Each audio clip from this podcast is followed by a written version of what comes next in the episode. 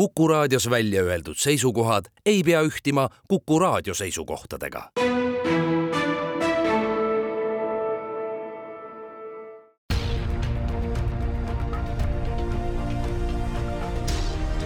uue samba taga.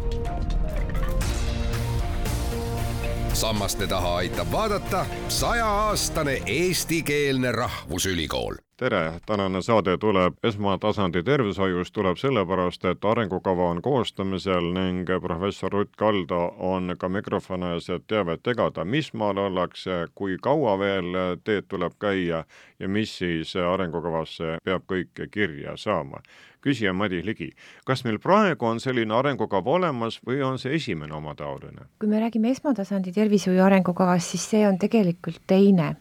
eelmine esmatasandi tervishoiu arengukava koostati aastateks kaks tuhat üheksa kuni kaks tuhat viisteist. Ja siis oli pikk äh, paus vahepeal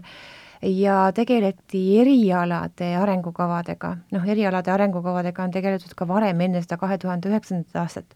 et meil oli peremeditsiini arengukava, mis lõppes ära kahe tuhande kahekümne esimese aastaga ja siis, kui me hakkasime nagu uue arengukava peale mõtlema, siis, siis iseenesest meil tekkis hetk, kus meil oli vaja otsustada, et kas me tegeleme sisuliselt üksinda edasi peremeditsiini arengukava tegemisega uuega või me läheme ikkagi nagu laiemale pinnale juba ja räägime esmatasandi tervishoiust, sest noh, praegusel hetkel me ei saa enam rääkida, et esmatasandi tervishoius ainult perearstid töötaksid, vaid seal on väga palju teisi spetsialiste ka ja seega me siis otsustasime koostöös äh, nii perearstid, aga ka mitmed teised osapooled, õed, ämmaemandad, füsioterapeudid, aga ka Sotsiaalministeerium, et me tegelikult võtame ette esmatasandi tervishoiu arengukava tegemise, sest et äh, me, me peame vaatama nagu laia pilti juba, eks ju, mitte ainult kitsast erialavaadet siin, et tagada parim võimalik abi. Kui kaua on teil aega seda laiemat pilti jälgida? noh, rohkem kui aasta me oleme juba seda loonud ja, ja meil peaks need arengukava peaks olema valmis ja kinnitatud äh, siis järgmise aasta esimeses pooles. ehk et meil veel aasta umbes on aega tegutseda, aga paralleelselt toimub veel ka äh, haiglavõrgu arengukava loomine, kiirabi arengukava loomine ja noh, siis niimoodi koostöös me peame ka neid kokkupuutepunkte vaatama, sest tegelikult tervishoius kõik teevad omavahel koostööd. ja need kõik peaksid saama siis ühel ajal valmis ja siis ka ministri lauale kinnitamisele minema nii et aasta aega umbes veel tark internet kuulutab, et teil on kolm strateegilist suunda, jätkusuutlikkus, inimkesksus ja kvaliteet ja ohutus. kui nüüd hakata nende gruppide kaupa võtma, jätkusuutlikkus on nagu väga lai mõiste. just, ongi lai mõiste, eks me siin räägime äh, jätkusuutlikkusest finantsilises mõttes, eks ju, et ressurss, rahaline ressurss, siis me räägime sellest, et kuidas me olemasolevate äh, inimestega, kes meil üldse on, eh, kuidas me suudame tagada seda abi ja milline see abi võiks olla tulevikus ja milline vajadus võiks olla, milliste noh, nii-öelda tervishoiutöötajate või spetsialistide järgi vajadus on, sest me vaatame ette, eks ju, noh, praeguseks rohkem kui kümme aastat, kaks tuhat kolmkümmend viis on nagu see siht võetud ja siis me räägime ka sellest eh, jätkusuutlikkusest, mis puudutab nagu regionaalset iseärasust, ehk et kuidas maapiirkonnades ikkagi jätkuvalt eh, noh, tagada see kõikidele patsientidele vajaminev esmane abi, eks ju. nii et siin on jah, mitu erinevat aspekti kuid äh, ilmselt äh, selle koha pealt kõige rohkem pigistab see kaadrinappus, ehk teil on vist samasugune seis, nagu on kooliõpetajate hulgas, et vananemine, kaadrit tuleb vähem peale, kui vaja oleks. nüüd on küsimus, kust siis leida neid uusi tohtreid? nojah, et see on see, et kõigepealt meil on jah, nagu elanikkond tervikuna, nii ka arstkond vananeb ja, ja meil on päris arvestataval hulgal ikkagi kolmandik lausa neid, kes siis on pensionieas juba ja kes töötavad jätkuvalt vaatamata sellele edasi, aga nad võivad iga hetk, eks ju, ära minna e,. Arstide ettevalmistus on problemaatiline sellest, et me ei saa seda kiiresti kunagi teha, ühe arsti erialaspetsialistiks ettevalmistamine võtab kümme aastat aega. Seetõttu väga kiiret käiku siin teha ei saa. aga me küll näeme ette seda, et jah, meil on tõepoolest see vajadus on suur, aga lisaks sellele on meil vaja, eks ju, esmatasandi tervishoius, kes saavad ka aidata ja kaasa lüüa ja, ja arstide nagu sellist nappust pisut vähendada, ka teised spetsialistid. noh, ega tegelikult õdedest on meil samamõrra puudus ja võib-olla, kui me Euroopa Liidu keskmist vaatame, on õdesid veel vähem inimeste kohta kui, kui arste et õed, aga ka teised spetsialistid, et ehk et me tegelikult täna räägime sellest, et küll ettevalmistusest ühest küljest, eks ju, et kuidas me saame võimalikult äh, noh, nii-öelda hästi ja, ja vajalikus mahus koolitada spetsialiste, aga teisalt, et mis veel võimaldab äh, meil nagu korvata seda erialaspetsialistide puudust, et sellised koostöömudelid ka, kui palju saab üldse kõik see noh, näiteks nagu targad, targad masinad meid aidata, ehk et kogu see tehisintellekt, eks ju, omavahelised suhtlemiskanalid, äh, ka näiteks kuidas paremini teha koostööd sotsiaalsüsteemiga, seetõttu, et täna noh, me üsna palju ikkagi on ka tervishoius seda tööd, mida võib-olla saavad ka teised spetsialistid ära teha, kui palju kohalik omavalitsus saab kaasa tulla, olla. ja noh, me ei saa ümber ega üle ka sellest, et et inimeste enda võimestamisest, nende enda õpetamisest äh,, neile vajalike noh, nagu selliste tarkuse noh, nii-öelda andmist, et nad ka oma tervise eest vastutaksid ja no siis kogukonnateenused, eks ju. et vot sellised asjad, mis aitavad kaasa sellele, et kui on ikkagi arstide nappus, siis neid kiiresti juurde tuua ei saa, neid saab teatud noh, vahendite ja võimalustega pisut äh, nii-öelda korvata seda puudust, jah kiiremini kui arste saab juurde tuua ka õdesid ja neile siis ka tarkust ja funktsioone juurde anda selleks, et nad saaksid patsiente teenindada, patsientidega asju ajada ja neile head nõu anda. kas äh, selles arengukavas terendub see, et õdede osakaal kasvab? jaa, kindlasti. õdede osakaal ja mitte ainult, eks ju, me näeme lisaks õdedele et, et meil on vajadus ka füsioterapeutide, meil on vajadus näiteks vaimse tervise spetsialistide järele, seda kindlasti, seda me näeme ju täna, kuidas vaimse tervise probleemid on ka üha kasvav trend, et me näeme, et on vajadus ka tegelikult äh, nojah, õed on need, kes kodudes ka käivad, koduõed, koduõendusteenuse järele, aga, aga tõepoolest sotsiaaltöötajate järgi ka. Ja perearstikeskustes, kelle järgi me näeme, et on vajadust, on nii-öelda sellised assistendid või kliinilised assistendid, kes küll ei vaja nii pikka meditsiinilist sellist väljaõpet, lühemat, aga kes saavad siis aidata perearste, õdesid selliste rutiinsete tegevuste toimetamistega, mis ei noh, ei ole puhta kliinilised, noh näiteks mingite andmebaaside andmebaaside sortimine, patsiendile tagasi helistamine, mingite noh, näiteks selliste asjade ettevalmistamine, telefonikõnedele vastamine, administratiivsed asjad, et need on need spetsialistid, keda me veel ka näeme ette, eks ju, selles valdkonnas kui jõuab kätte see aasta kaks tuhat kolmkümmend viis ehk teie arengukava ajapost, kas siis on ikkagi igal inimesel oma perearst või asi on jõudnud ja läinud nii kaugele, et ma lähen perearstikeskusse ja siis kas doktor Saar, Kask või Tamm saab mind vastu võtta mm? -hmm. me tegelikult hästi väärtustame seda, et, et meil on kõikidel oma kindel perearst, kelle poole pöörduda. Ehk et selline nimistupõhisus ja nimistuga töötamine, et ühe arsti juurde kuulumine on omaette väärtus, mida väga paljudes riikides ju ei ole, kaasa arvatud näiteks naaberriigis Soomes. seetõttu me ikkagi seda nagu rõhutame, aga me jätame võimaluse ka selleks, et on, on ka võimalus olla noh, nii-öelda registreeruda või ollagi nagu tervisekeskuse nimistus. ja mille pärast on see, et me tahame tervisekeskuste või suuremate keskuste vastutust piirkonnas natuke laiendada, et juhul, kui, kui näiteks noh, piirkonnas ei ole arsti, et siis perearsti keskus või tervisekeskus hoolitseb siis piirkonna inimeste eest ikkagi, eks ju, ka, et see vastutus on olemas. et erinevad nagu võimalused võiksid olla, et pisut nagu vabamalt noh, nii-öelda või ütleme, paindlikumalt vajalikele muudatustele reageerida. nii et need on veel diskussiooni küsimused, aga ma ütlen, me väärtustame ikka isiklikult arsti-patsiendi suhet väga ja proovime, et kus vähegi võimalik, see ka nii säiliks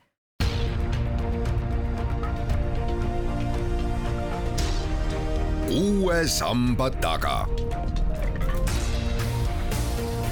Sammaste taha aitab vaadata sajaaastane eestikeelne rahvusülikool. Professor Rutt Kalda, kellega te läbi räägite selle arengukava osas, te algul viitasite, et siin on Sotsiaalministeerium taga, on erialaühendused, kuid kes veel? tegelikult on väga lai selliste organisatsioonide võrgustik ja spetsialistide võrgustik, et kõik õenduserialad, noh nagu organisatsioonid, siis on meil hambaravi siis on meil proviisorid, siis on meil kohaliku omavalitsuse spetsialistid, sest nendega teeme koostööd, sotsiaaltöötajate ühendus, siis on meil vaimse tervise spetsialistid, kliinilised psühholoogid, kellega räägime,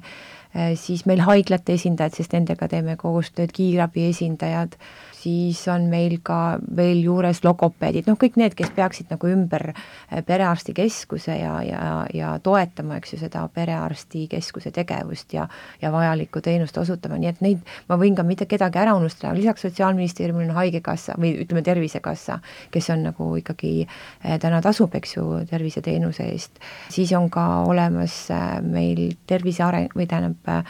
Terviseameti esindajad, nii et selliseid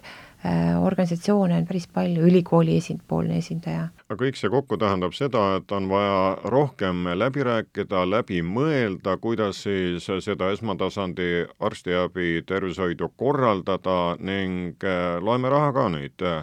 kas teie tulevikuvisioon tähendab seda, et praegune rahastamismudel veab ennast välja või tuleb midagi ümber vaadata? No kui me vaatame, eks ju, tervikuna tervishoiu rahastamist, siis sellest noh, siin tulebki ümber vaadata ilmselt kogu tervishoiu, sest et nii nagu ka need hiljutised analüüsid näiteks, mida Andres Võrk ja tema meeskond koostasid, näitab, et ei vea välja sellise rahastamissüsteemiga. et see on nagu kogu tervishoiu rahastamine, mida meie esmatasandil nagu äh, silmas peame, on see, et selline rahastamismudel tuleks ümber küll vaadata, aga sellest lähtuvalt, et me tahaksime, et see rahastamismudel soosiks meil nagu laialdasemat koostööd. ehk et meil ei oleks igaüks kapseldunud nagu oma kabinet ja omaenda finantsi, noh, nii-öelda finantsid mõnikord piiravad seda koostööd, sest igalühel on oma mingisugune rahakott ja siis seda koostööd ei, ei ole, sest kõik jälgivad oma rahakotti aga et, et see finantsmudel, et ühest küljest see soosiks koostööd nii sellisel viisil, et esmatasandil kõikide erinevate spetsialistide va-, vahel, me nimetame seda tavaliselt horisontaalseks mudeliks ja teine on siis ka vertikaalne, ehk et et on ka näiteks nagu haiglate ja perearstide omavahelist koostööd. et, et neid mudeleid on olemas ja selleks on meil ka kaasas mm, ja, ja, ja nõustab meid ka Äh, noh, nii-öelda see spetsialist, kes teab neid erinevaid finantsmehhanisme ja kuidas ühte või teist viisi äh, siis selliseid koostöövorme paremini toetada. Ja lisaks me tahaksime seda, et meie rahastamismudel soosiks ka seda, et äh, noh, arengut, eks ju, et innovatiivseid lahendusi, et täna rahastusmudelid, mis esmatasandil on, on pigem retrospektiivsed, need põhinevad nendel kulutustel, noh, nii-öelda hinnad, järgmine aasta hinnad kalkuleeritakse selle põhjal, mis eelmisel aastal on kulutatud. aga, aga ta ei näita nagu etteulatuvalt seda, et kuhu suunas ja kuidas me saaksime areneda. ehk et siin on muudatusi jah, ette nähtud nagu öeldud, et aastani kaks tuhat kolmkümmend viis te peate siis äh, oma visioonid või tulevikunägemuse kirja panema ja selle aasta lõpuks? selle aasta lõpuks tahame me jõuda nii kaugele, et meil on olemas äh, noh, nii-öelda see versioon, mis on ka kooskõlastatud erinevate osapooltega uuesti, et et meil tegelikult toimuvad noh, ütleme iga paari kuu tagant ka eh, sellised eh, nõukogu koosolekud, meil on esmatasandi nõukogu, kus ka siis me kooskõlastame juba seda, mida on tehtud. Ja arutame läbi siis ka võib-olla selliseid esile kerkinud küsimusi, aga, aga jah, et selle aasta lõpuks oleks meil valmis selline versioon, millega me, millele me saame juba luua rakenduskava, sest ükski noh, arengukava ei tööta ilma selleta, et me ei, me ei ütleks ka, et kes mingite tegevuste eest vastutab, mis hetkel, eh, mis ressurssidega, et see rakenduskava oleks võimalik sinna juurde luua. ja see kõik tuleb siis, nagu ma ütlesin, saaks kinnitatud siis vähemasti järgmise aasta esimeses pooles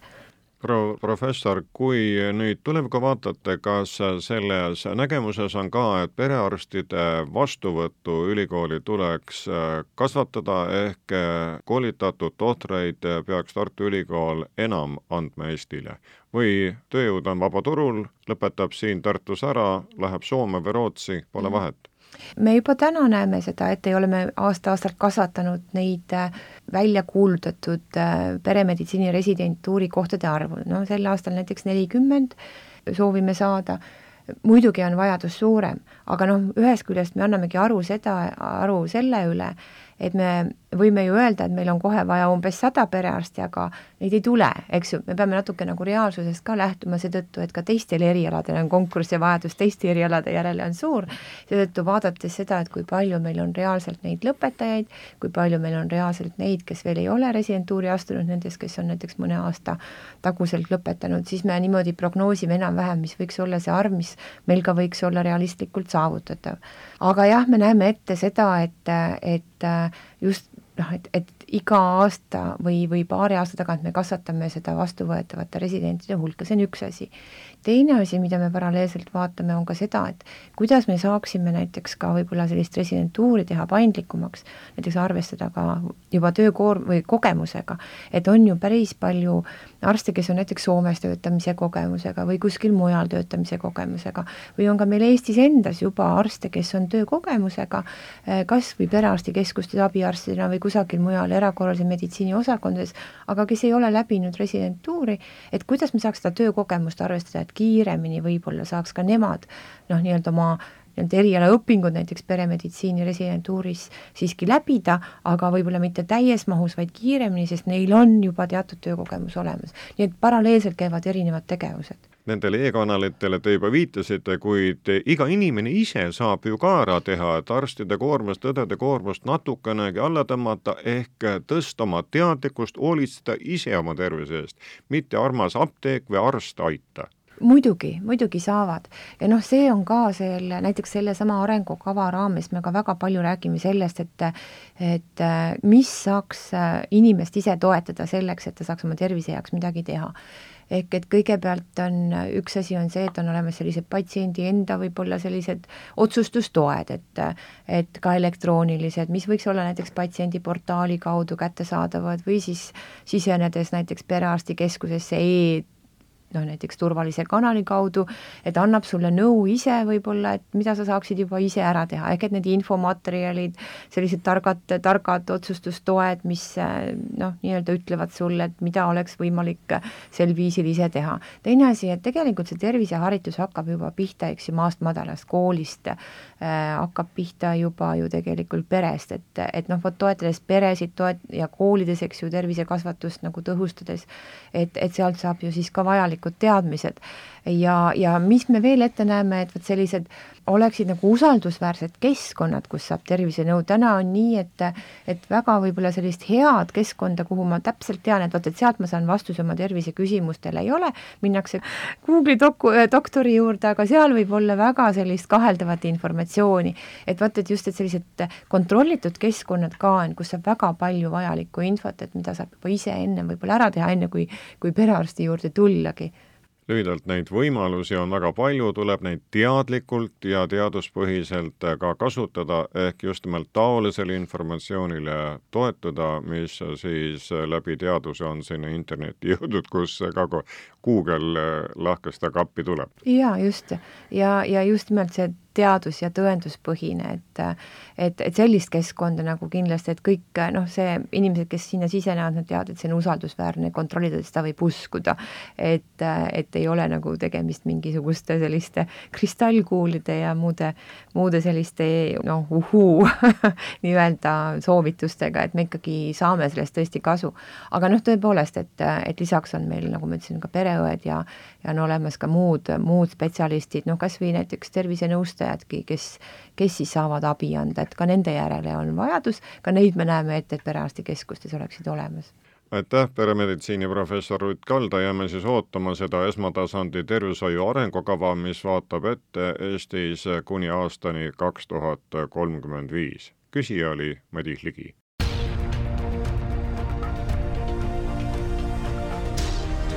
uue samba taga sammaste taha aitab vaadata sajaaastane eestikeelne rahvusülikool